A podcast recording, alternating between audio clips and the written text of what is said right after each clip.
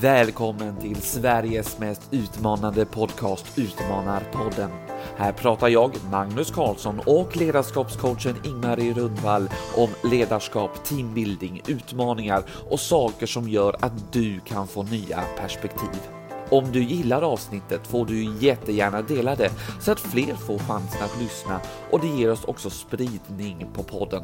Tryck även på prenumerera i din podcast-app så du inte missar något avsnitt. Du kan också följa med oss på LinkedIn där vi heter Utmanarpodden så kan du få nya tips och idéer på hur du kan utmana dig själv. I det här avsnittet gör vi något vi har sett fram emot länge, nämligen en liveinspelning inför publik i samband med Ingmaris bokrelease. Vi pratar självklart om hennes nya bok Att leda möten till effekt och hon ger lite tips och råd. Och under den andra halvan så kör vi en frågor och svar med frågor som inte vi har planerat överhuvudtaget i förväg utan det är publikens. Nu kör vi!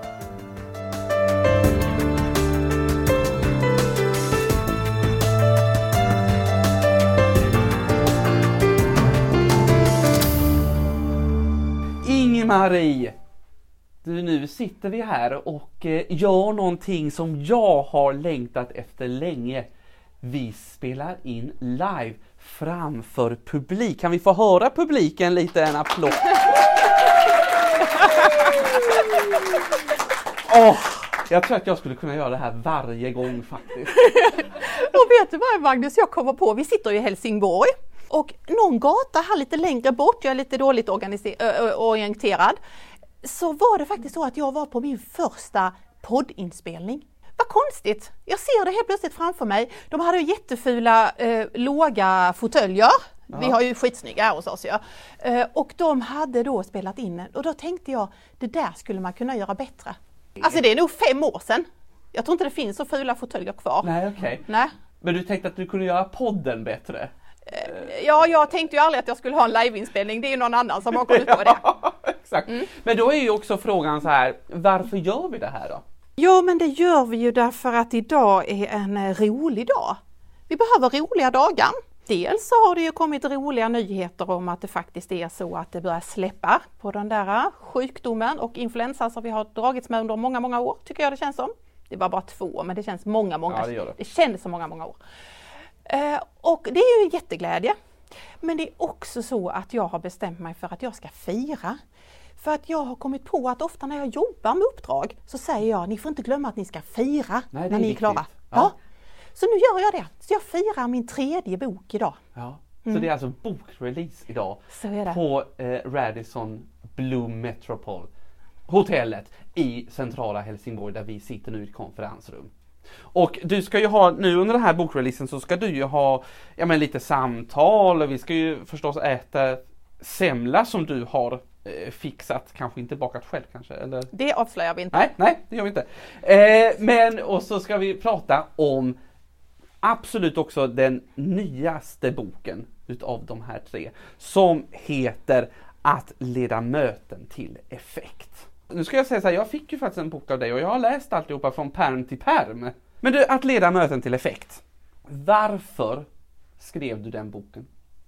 Ibland så säger man så här med oss människor att vi gör saker därför att vi har någon sorts positiv drivkraft att det här måste hända eller det här vill man och så har man någon, det kallar man ofta en drivkraft ju.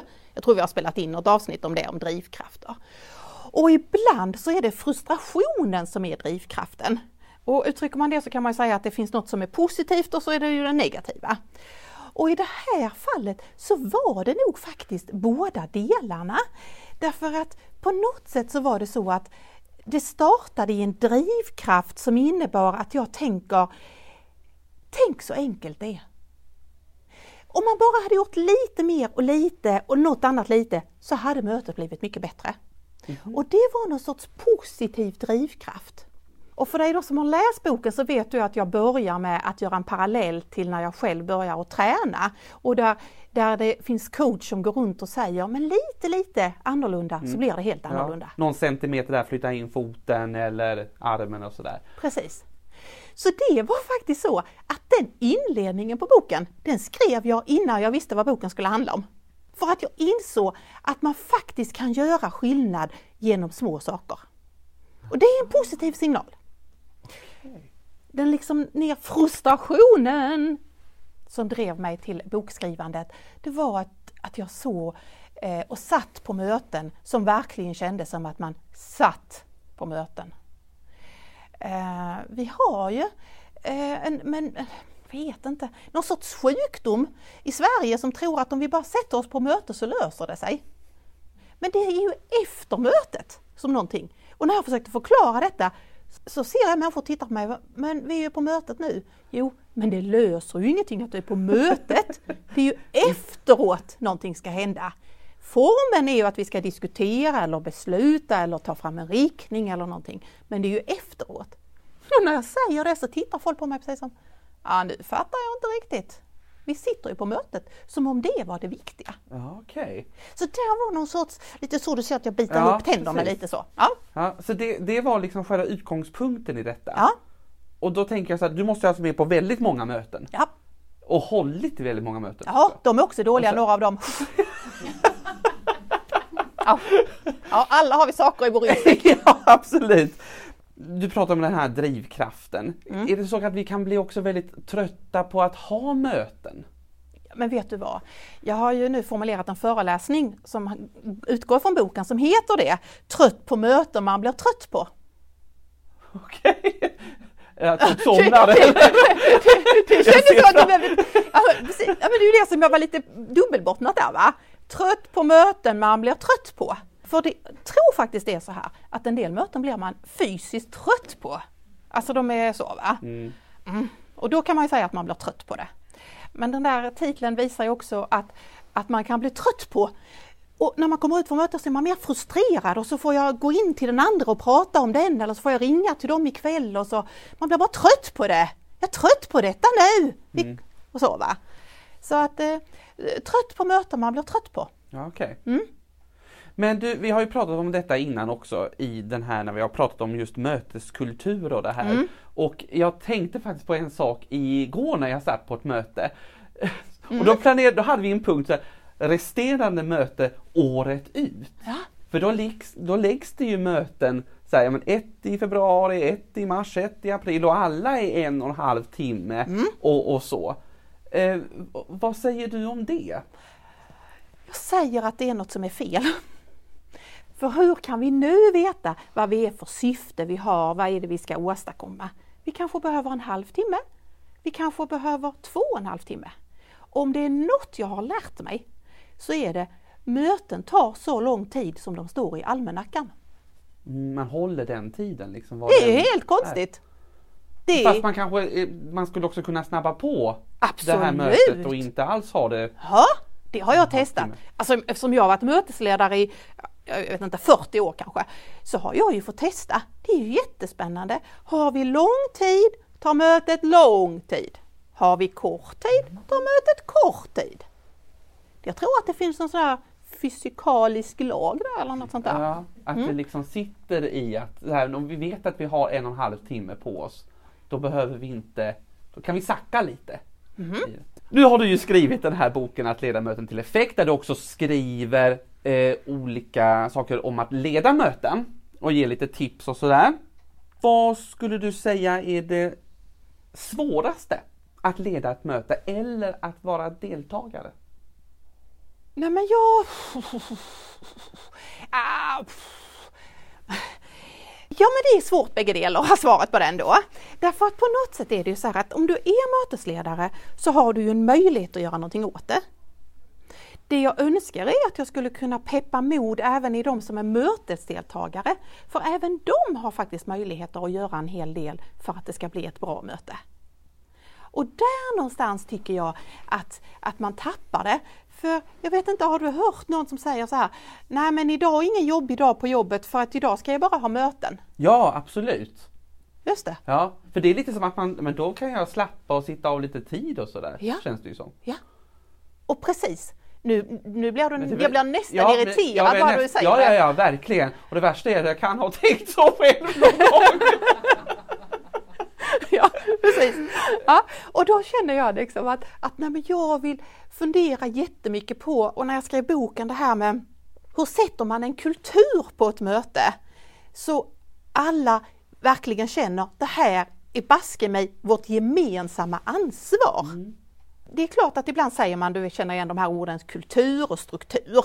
Och då säger man ju med strukturen, ja men det är ju ändå, eh, då kan man ju sätta dagordning och man bestämmer tiden och man får ordning på det mm. och så. Men när det gäller kulturen, då handlar det ju om hur ska vi ha det där inne på mötet? Mm. Alltså, ska alla ta ansvar? Ska vi komma i tid? Ska vi prata med varandra? Ska vi vara sura? Ska vi försöka hitta lösningar eller ska vi bara vara sura? Alltså, det där har jag funderat mycket på. Mm. Och det där har faktiskt både mötesledaren och deltagarna många möjligheter att göra någonting åt. Ja, för att jag menar så här, en deltagare är ju, ska ju vara delaktig och inte känna att man liksom sitter av eh, tid och sådär. Varför fortsätter det här hela tiden då? Ja, det har jag ju funderat mycket på. Ja, naturligtvis är det ju så att eftersom vi, vi går på så många möten så har vi ju liksom vant oss lite vid hur gör man när man går på möten? Alltså det är ungefär som att gå på ICA. Hur gör man när man går på ICA? Och så har man vant sig vid det. Så naturligtvis är det ju en jätteutmaning med min bok att försöka få dem till att tänka hur man skulle kunna göra på ett annat sätt. Och, och då är det ju så igen, att de hårda frågorna, att man har en dagordning, att man håller sig till och så, det är ju det lätta. Mm. Utmaningen är ju att sätta en kultur, alltså sätta en anda där. Och där har jag ju eh, tänkt mycket och där tror jag att där måste man lägga en extra krut på den som är mötesledare. Mm. Jag har ju valt att ha den benämningen rakt igenom när jag pratar. Därför att det kan ju vara en ordförande och det kan vara en chef och det kan vara en projektledare. Eller så kan det vara du i form av att du är teamledare eller så kan det vara liksom. Och därför tänker jag det är inte någon som är ansvarig för det här mötet. Så mötesledaren. Och då tror jag att vi kommer någonting som jag tror är en utmaning inte bara på möten utan lite mer i kanske i hela samhället och bland annat i svensk skola som jag haft ett stort hjärta i. Nämligen att man är ovan vid att formulera förväntningar. Alltså vad förväntningen är på gruppen på grupp, i, i det här mötet, ja. liksom inför mötet eller? Även inf man kan göra det inför men man kan också göra det på mötet. Okay. Att man sätter som mötesledare, så här tänker jag.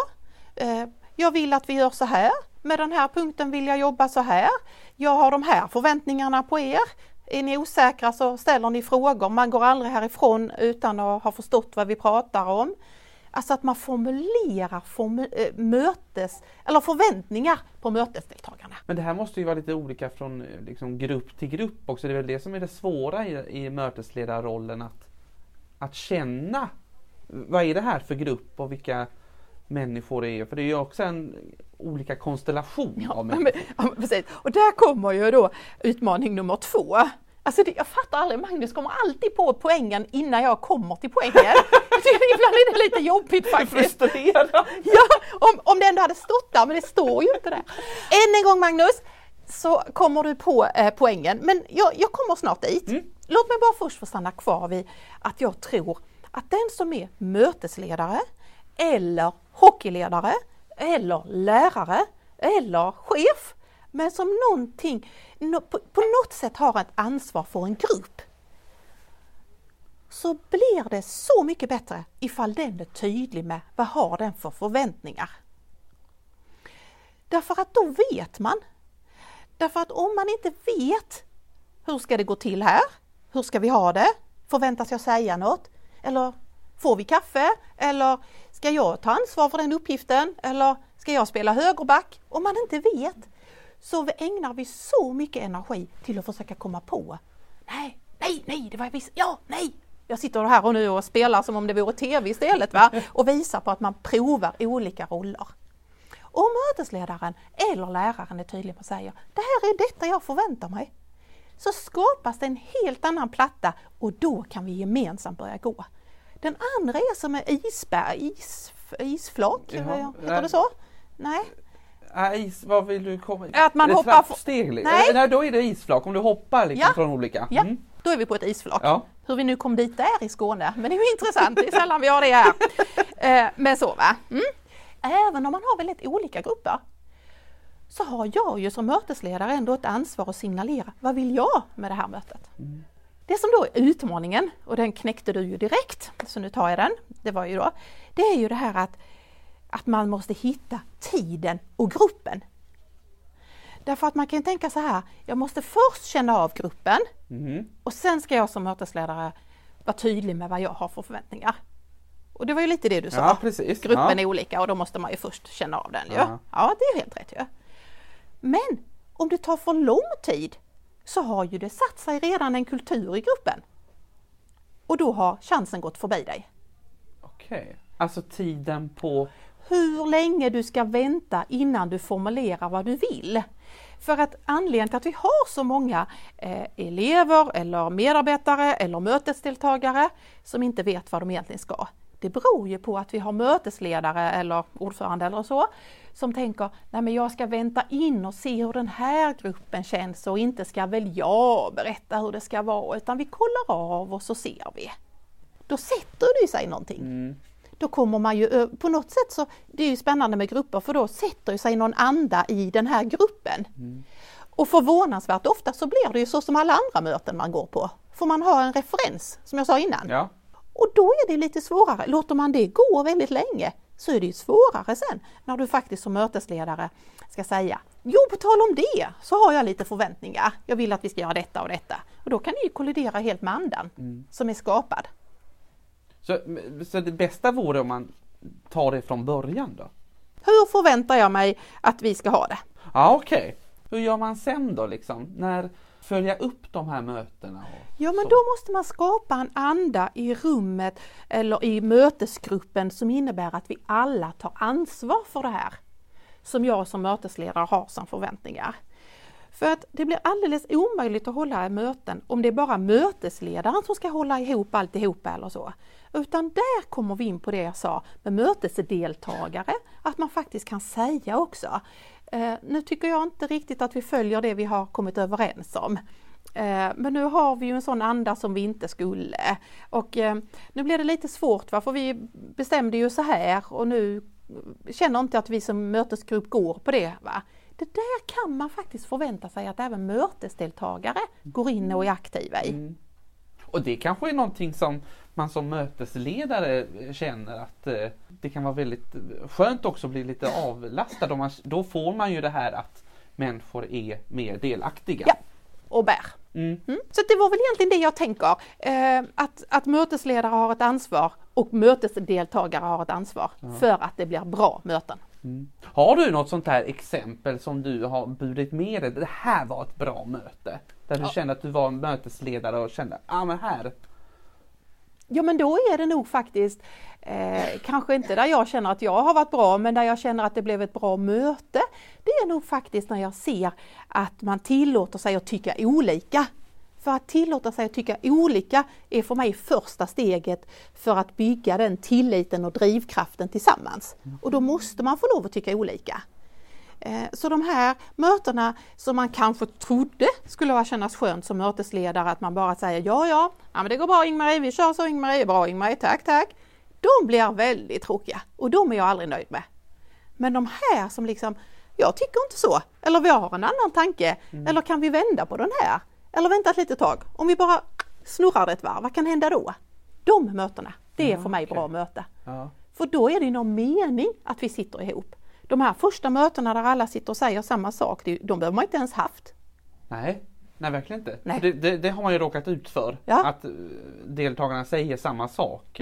Och, eller säger som chefen säger, då Ja. kan man ju lika bra eh, faktiskt eh, tänka att då sparar vi de åtta timmarna. Ja, Åtta deltagare, åtta timmar och så räknar vi pengar där. ja, Mm. ja men precis. Ja. Spännande, det finns ju jättemycket kvar att liksom läsa eh, om det här. Du, var hittar man då den här att leda möten till effekt? Ja men då är det så att den finns ju överallt. Man kan köpa den på Adlibris och man kan köpa den på Bokus och man kan köpa den liksom.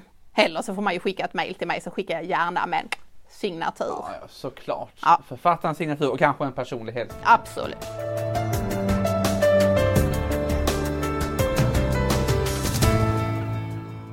Nu har ju vår kära publik skrivit frågor till oss. Eh, och det här kör ju vi verkligen på uppstuds. För vi vet ju inte vad ni i publiken har ställt för frågor till oss på de här lapparna som vi har samlat in här innan vi skulle börja podda. Så nu tänkte jag att vi ska ta några utav de här och så ska vi Mm. Och nu är det lite spännande det. va? för att om vi nu skulle haft bild på detta så kan man ju fundera på vem tycker detta är mest roligt? Och det känns som att publiken där sitter nästan och tycker det är jätteroligt. Och tar de min lapp? Är det min lapp den? Och vilken tog jag? Och så liksom. Ja. Mm. Hur, hur ska vi göra nu tekniskt här Magnus? Ska jag, vi ta en lapp, läsa Ja, och sen bestämmer vi vem av oss som ska svara på den då eller? ja exakt. Ja, jag börjar. Ja, gör så. Eh, Så nu har vi en liten skål här som Ingmarie tar upp en lapp. Hur tänker ni i Utmanarpodden? Om hur man ska tala med en grupp som vill olika saker och som har olika agendor. Ofta vet jag inte vad de andra egentligen tycker. Alltså typ om, om vi nu säger att man ska göra någonting eller man ska bestämma någonting och så, så vet inte jag som är mötesdeltagare vad de andra tycker. Ja men då har jag ju inspelet att man måste skapa en sån kultur att man förutsätter att alla pratar på mötet. Mm. Jag är jättetuff på några få sidor i den där boken där jag är eh, väldigt tydlig. Man måste förvänta sig att alla pratar på möte och man måste förvänta sig att när man som mötesledare kastar runt frågan eller ställer en fråga så förutsätter man att man faktiskt kan svara. Det är okej att säga pass eller jag vet inte vad jag tycker nu och jag har inte bestämt mig. Det är helt okej. Men man kan inte ha tysta deltagare som inte. För de gör ju att andra blir osäkra. För det är ju den här frågeställningen handlar ju om det. Att om inte folk kan säga jag vill eller mitt beslut eller jag står för så vet man inte. Nej. Är det bra att liksom delegera eh, ordet till så här, ja, men, gå laget runt eller? Absolut. Mm. Och man måste skapa en sån anda då liksom att man kan skicka bollen vidare eller först tar vi, man kan göra det står det också i boken Magnus, eh, där man kan då liksom göra att vi går varvet runt eller att man faktiskt bara pratar om, om det och bara säger namnet. Det här är ju, ofta sitter ju människor i en grupp där man känner varandra, man kan ju varandra vid namn så det är bara att säga Magnus, vad tänker du? Och ibland kan jag tycka att det är ganska skönt att få det rakt. Vad, vad tycker du? Istället för, nu har det ju ofta varit att man har satt på Teams liksom och försökt att, och så kan det vara så här att någon pratar där och någon pratar där och så finns det ingen riktig struktur att eh, man ska räcka upp handen och sådär liksom. Utan då är det ganska skönt det här att få den frågan rakt ut. Okej, vad tycker du? Och så går man laget runt. Liksom. Och jag tycker det är så komma till tals också. Mm, och jag tycker det är jättespännande därför att jag har haft hur många möten som helst och det har jag också haft nu då ju under den här konstiga tiden. Och då säger folk, nej men inte ska vi göra det och peka ut Magnus. Han kanske inte vill säga någonting. Då tänker jag så här, Magnus kan inte ta av sin arbetstid genom att sitta tyst och inte prata. Vi måste ju få något ut av de där 180 kronor i timmen som vi ger dig. Alltså måste man i alla fall kunna svara vet inte, osäker eller jag tycker. Eh, Men vi mötesledare backar ibland och här behöver mötesledare gå fram och bara säga det i sin förväntning. Jag förutsätter. Ja, Ska vi fråga publiken om de fattar det? Var det tydligt? Ja. Ja, Ja. Bra, bra. Då tar vi nästa här. Eh, då står det så här. Hur, eller varifrån, får ni uppslag till nya poddavsnitt? Det är ju faktiskt så här, mycket så här kommer när vi har spelat in ett avsnitt. Så vi, har vi ju ibland ett ämne, till exempel ledarskap, och det är ju sånt där som man kan bara prata om i oändlighet känns det ju som. Och då kan vi ju dyka in på någonting i det avsnittet, något speciellt som vi känner att ah, det där får vi ta i en, ett nytt avsnitt. Liksom. Nu, sen har vi ju haft några gäster också eh, och det är ju väldigt roligt eh, tycker jag. För det blir ju också någonting också, då, då hör ju inte bara lyssnaren oss två utan man får en helt annan historia också. Eh, så det är ju faktiskt väldigt roligt tycker jag. Och, och, och skulle jag svara på den frågan så skulle jag säga ja, gästerna är ju fantastiskt roliga. Vi, vi satte ju så här Utmanarpodden om ledarskap och livets utmaningar. Och många av dem som har hälsat på hos oss har ju handlat om just livets utmaningar. Eh, Och vi får ju mycket cred just att det här att få lov att följa andra människors livsberättelser. Och vi är ju lite tuffa ibland mot våra gäster och ställer lite frågor och sådär liksom för att se, att komma djupare och sådär. Och det är ju för att jag tror mycket på det här. Att människor växer när vi vågar. Ja. Så man kan också tänka sig rent praktiskt så är det ju så att vi, vi sätter oss inte i ett helt tomt bås och börjar. Utan vi har ju alltid det här ska vi ha som huvudfokus. Och vad vill jag få fram som poängen? Och man får väl ändå vara ärlig och säga att det är jag som tänker och lägger upp strukturen. Absolut. Mm. Du gör ju det och sen så redigerar jag det sen. Ja precis! Så att det, det, Och- det är den delen vi har. Ja. Det där kan jag ta bort. Nej. Det är väldigt sällan ska jag säga som det tas bort saker. Ofta är det liksom om vi stakar oss eller om vi behöver någon annan formulering på det eller om eh, eh, vi gör mycket och lite sådana där saker. Lite så här, sådana ljud. Det åker bort liksom. Jag har ju gått på kurs lite. för det. De, jag tror att publiken redan har sett att jag är ovanligt tyst för jag gör inga sån mm, ja, mm, ja. Utan de har jag fått träna bort. Det är faktiskt jättebra. Det är väldigt uppskattat från redigeraren kan jag säga. Vi har faktiskt en till fråga här på den och det är, vi pratade ju om gäster och då har vi, vem blir nästa gäst? Det tänker jag att det blir den i publiken som just nu räcker upp handen. Ja men titta där! Ola Möller, du är välkommen Ola. Perfekt! Ja, jag visste väl det. det. Det gäller bara att våga peka på någon Ja. och han pratade. Det är ju helt, han gjorde ju som vi sa. Ja, verkligen. underbart. Då bokar vi in någonting sen Ola. Eh, Ingmarie, du får ta nästa fråga här. Vilket parti ska du rösta på i höst?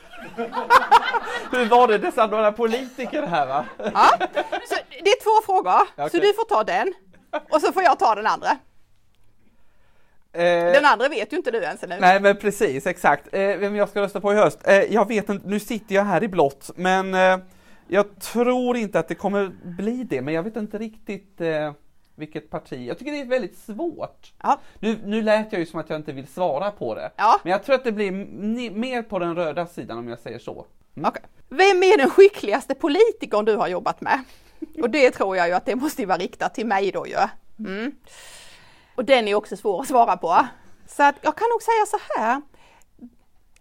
Visst har vi lite frihet här Magnus? Ja det har vi absolut. Ja, ja, det är, vi sitter ju, det är ju vi som spelar in. Så Ja, just det. De har ingen, det är ingen talan. Nej men då tänker jag så här, för när jag faktiskt funderade på eh, en sak i, i mitt badkar i morse, det vet ju ofta du, jag badar ju på morgnarna.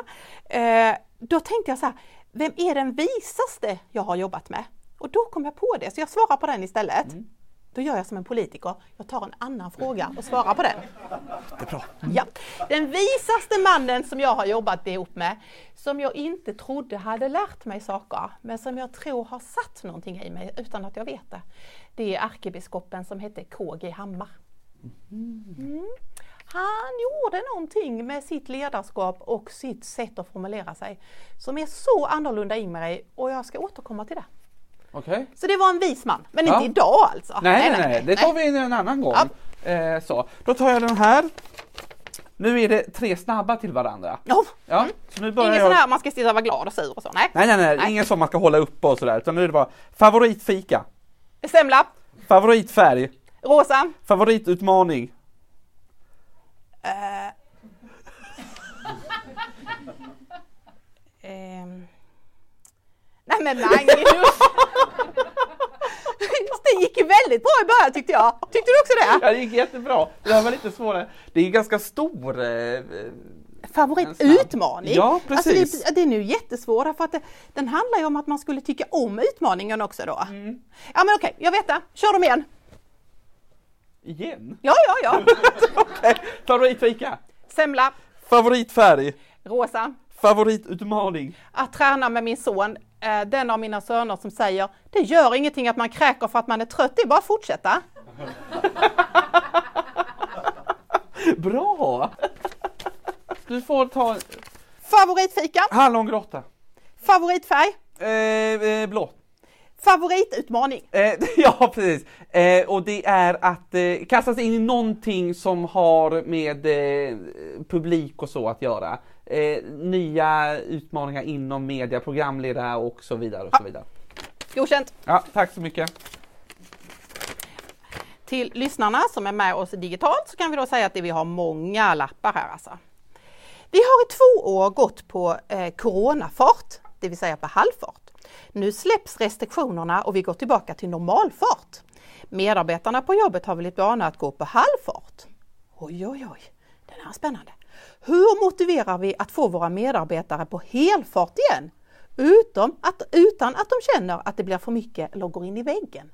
Det var ju nästan ämne till en podd. Ja, jag på. verkligen. Ja, jag tror att det är en utmaning för oss just det här att, eh, att vi inte riktigt har förstått hur mycket vi har påverkats av coronatiden.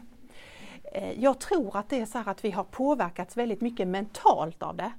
Så mentalt har vi nog upplevt att vi både jobbar och att vi roddar det vanliga livet.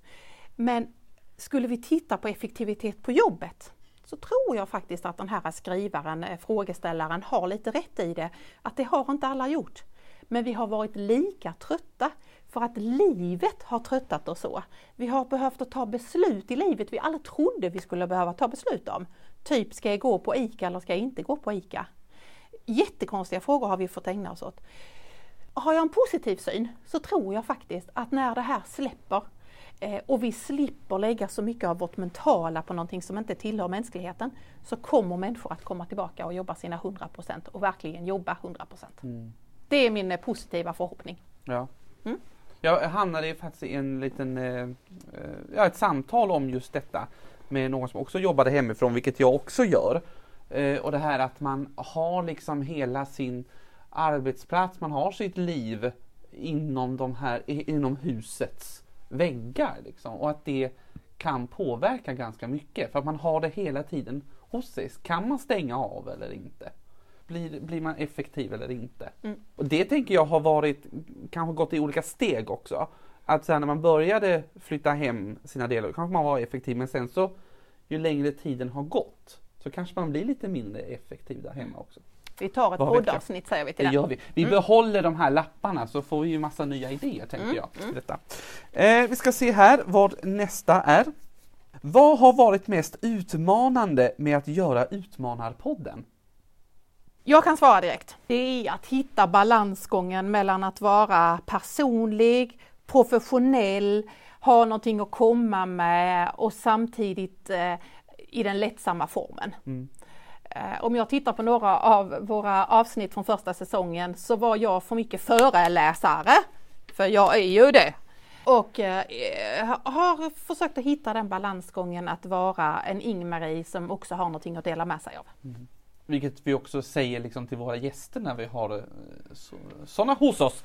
Eh, att vi vill, liksom, även om det kan vara ett starkt ämne eller något jobbigt att prata om, så vill vi ju ändå ha det här lite lättsamma i det.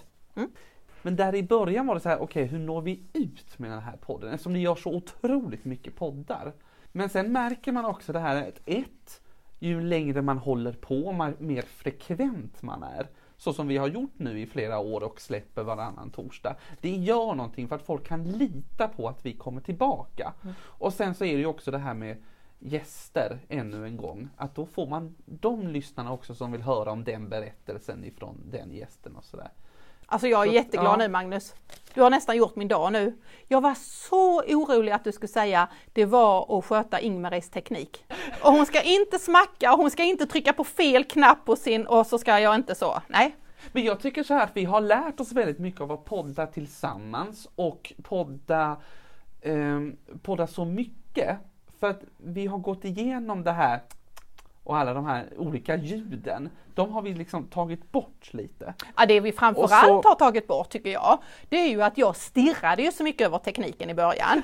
så att nu gör jag ju inte det, utan nu går jag ju in i båset, sätter mig och läser mail. Och sen säger Magnus, Ingmarie, nu är det klart. Och då går vi igång. Exakt. Mm. För då ska vi bjuda på den? Jag vet inte om vi, om vi gör det i något avsnitt, men vi kan göra det nu i alla fall. Att förra gången vi var i det här poddbåset och spelade in, då hann det gå ungefär en kvart in i ett avsnitt och så tittar jag på själva inspelningen och inser att nej, det har inte spelats in ett dugg av det här.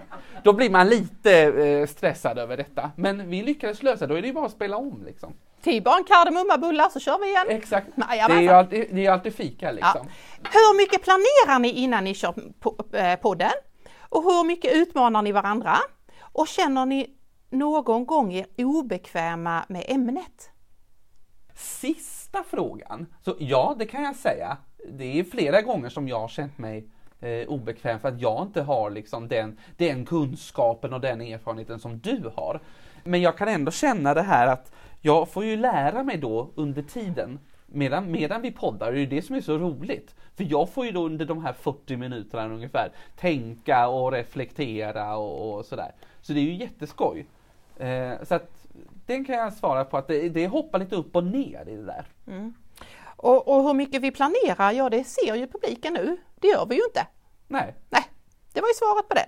Och utmana varandra, ja det gör vi ju för du har ju tvingat mig att ha liveinspelning idag till exempel. exakt. Ja. Och att vi, eh, och att vi får de här frågorna. Ja absolut. Jag tar näst sista. Gör det. Då är det så att en här i publiken eh, har varit väldigt personlig. Eh, för en i publiken här håller på att göra en otroligt spännande satsning.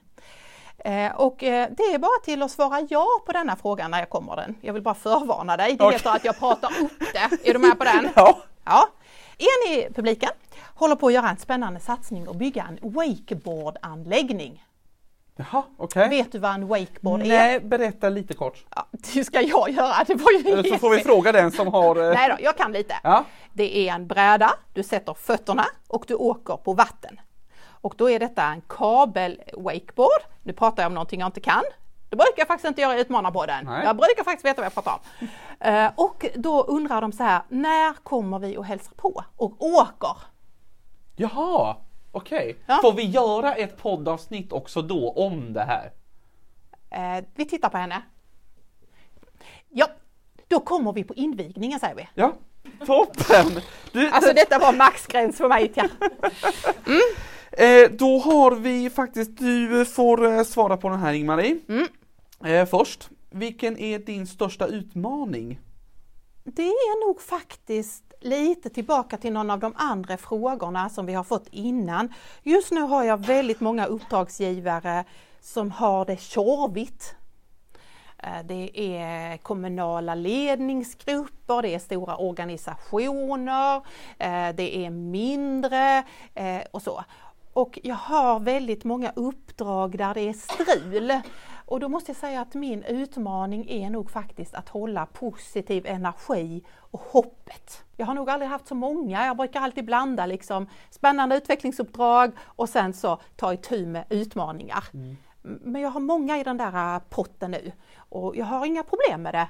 Jag ska bara vara rädd om att bidra med en energi och då måste jag hitta den själv. Okej. Mm. Jag har faktiskt fått eh, exakt samma fråga eh, på den här lappen. Eh, och då skulle jag säga så här, min största utmaning just nu, det är att hitta vilka uppdrag som jag vill göra och inte hoppa på allt och säga ja.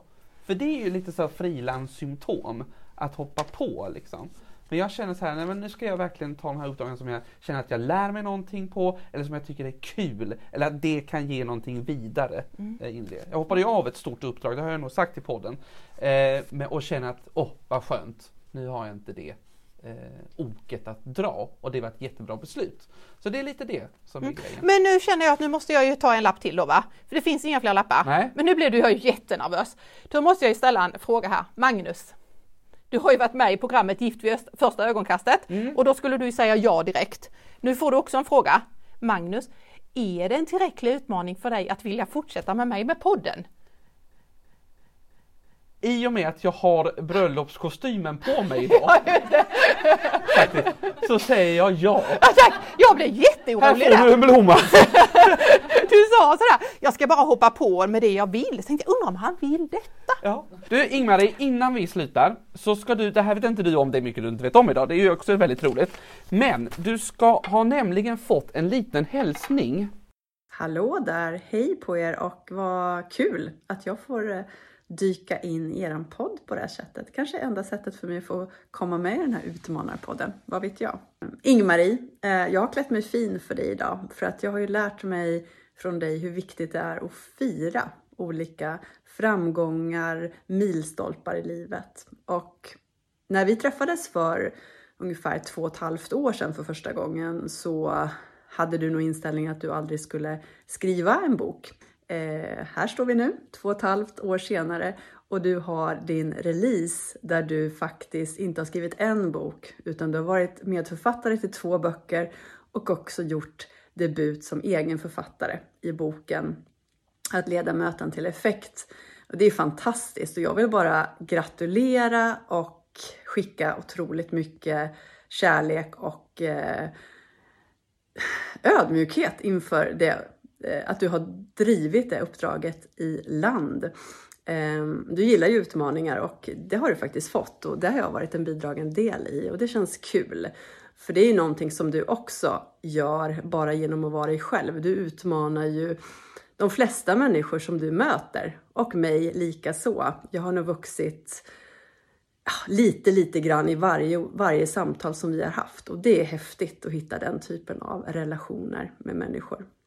Inte bara i arbetssituationer utan när man kan hitta andra ingångar också. Och jag har ju faktiskt eh, jag har en fråga, eller jag har två frågor. Ni får se vilken, vilken ni väljer att plocka om vi har tid för båda. Men när man har jobbat ett tag med Ingmarie så vet man att eh, i en process, det kan vara ganska yvigt, det kan vara lite spretigt, vi vet ungefär vad vi vill, men eh, det har inte fallit på plats. Och då brukar Ingmarie säga att hon går in i den berömda bubblan. Och jag har aldrig riktigt förstått vad det är som händer i den där bubblan, Ingmarie. Om du har någon speciell metod eller, eller vad det är. Vad innebär den där bubblan? Vad händer i bubblan? För det som är väldigt tydligt för mig är ju att när du kommer ut ur bubblan så har pusselbitarna fallit på plats. Det finns stringent, stringens och det finns liksom en väldigt tydlig idé och tanke. Det tycker jag är coolt och det inspireras jag av. Så det, vill du dela med dig av det så får du jättegärna göra det. Sen vet jag också att du har ett eh, alldeles speciellt sätt att ladda inför eh, olika typer av eh, föreläsningar, utbildningar eller inspel som du gör. Ehm, hur gör du för att hitta skärpan just när du ska ställa dig och möta människor på det här sättet? Det är två frågor och jag skickar över dem till dig Magnus och så får du ställa dem till Ingmarie och samtala kring det.